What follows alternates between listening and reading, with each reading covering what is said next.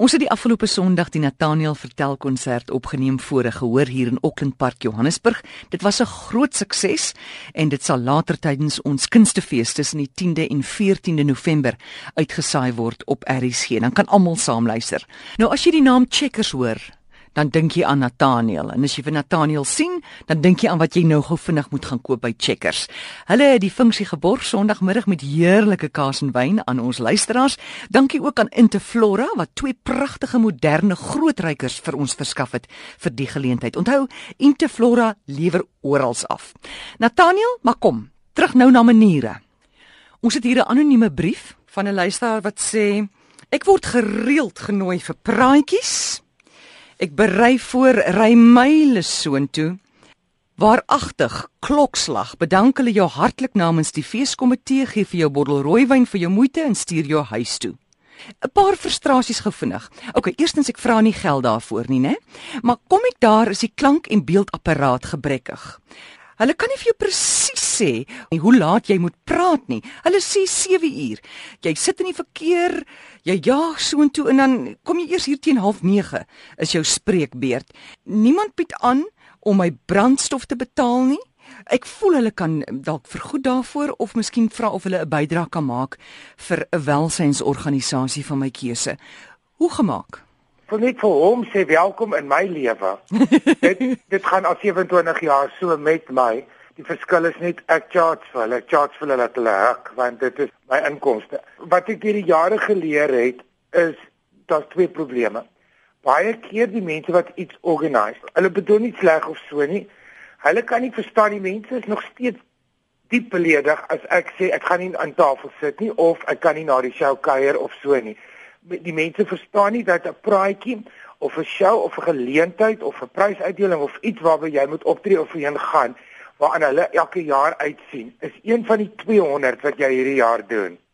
Jy het 'n lewe en jy werk ook in die dag. Jy wil jou ding doen so goed as moontlik, so vriendelik as moontlik en pad gee want jou lewe gaan aan.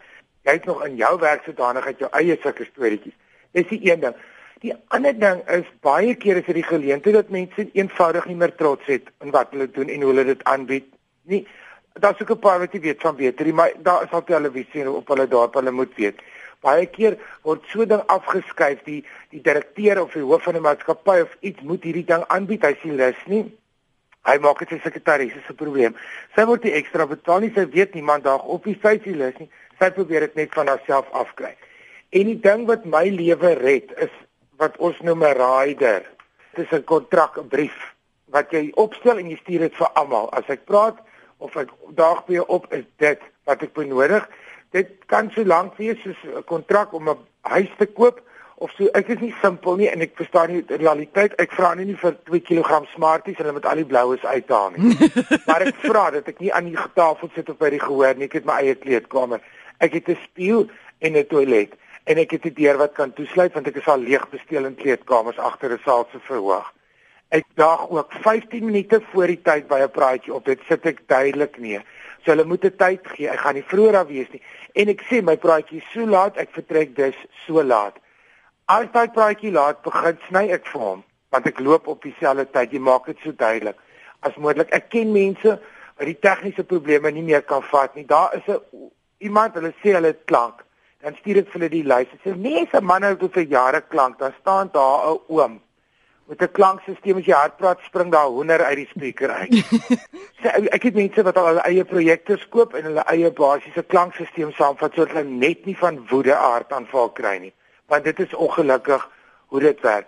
So jy moet ferm wees en jy moet sê in so 'n ding as jy nie geld vra nie, maar ek vra wat, wat is jy voor jy is meer Afrikaans as ek honorarium dis so ding hulle noem dit is so iets dit is soos as jy 'n eksaminator is by die universiteit soos wat ek is of jy is 'n beoordelaar by 'n klavierkompetisie mm. of iets wat vir jou nie betaal word nie dis prestige of iets dan betaal hulle jou petrol jou parkeerplek hulle sorg dat daar vir jou tee is of, of so iets maar as 'n kontant bedrag dit sit jy op jou rider ek mm. wat jy vir hulle stuur my petrolonkoste is soveel. Dit word in hierdie rekening inbetaal en die bewys van betaling word die dag voor die funksie aan my ge-email of gevaks. Mense dink nie en mense gee nie om nie en mense dink jy is net so opgewonde oor die jy's opgewonde oor jou praatjie want jy's trots oor jou werk en wat jy doen. Maar jy's opgewonde oor die hele aand, hè? Jy wil nie daar sit en foef foef jy ken nie die dorpse mense nie. Jy het vrede met hulle, môre aand is jy by 'n ander ene.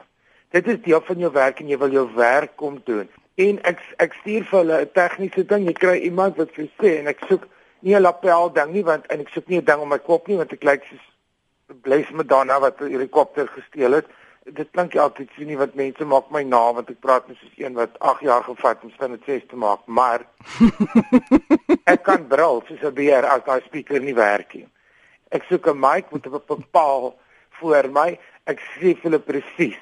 Mm. ek soek nie 'n tafeltjie langs my nie wat ek toer of trek nie haas uit 'n hoed uit nie. En ek soek nie 'n stoel nie want ek gaan nie verlam word halfpad deur die gesprek nie. Ek sê vir hulle presies wat soek ek dan moet ook nie 'n tabloo wees van produkte wat hulle verkoop plus 'n ryker of 'n Bybeltoneel wat langs my uitgestal word. Ek soek 'n skoon verhoog, 'n spotlight en maar jy moet en dit maak dit vir mense makliker. Mm. As jy vir hulle gee wat wat is daai dinge so so pre join the dots as jy daai prentjies so teken, paint by numbers. Ja. Stuur van dit dan jy hoef dit net een keer in jou lewe te doen. Baie mense sal dink dit is belaglik. Dan het hulle 'n lysie. 'n dame of 'n man met 'n potlood wat 'n punt kan aftik as hy gereël is, se lewe word baie makliker. Volg hierdie stappe en ek is daar. En jy betaal my so en so by mense is baie bang ek skryf in Saria hulle in gat of iets so hulle is baie nice met my en ek ek ek, ek voel baie skuldig want onlangs het ek 'n praatjie gaan doen tot hulle die saal laat uitverf en die badkamer laat oorteel want hulle is bang ek sê hulle simpel en hulle gee my geskenke wat ek ongelooflik waardeer en so maar dit is na my basiese behoeftes. Mm. My behoeftes is nie belaglik nie en dit is jou volste reg as jy iemand se funksie gaan red. Jy is die middelpunt van die funksie. Jy is die rede hoekom mense gaan opdag. Ons sal volgende week verder praat in etiket oor hierdie onderwerp. Kontak intussen vir Nathaniel by etiket by rsc.co.za.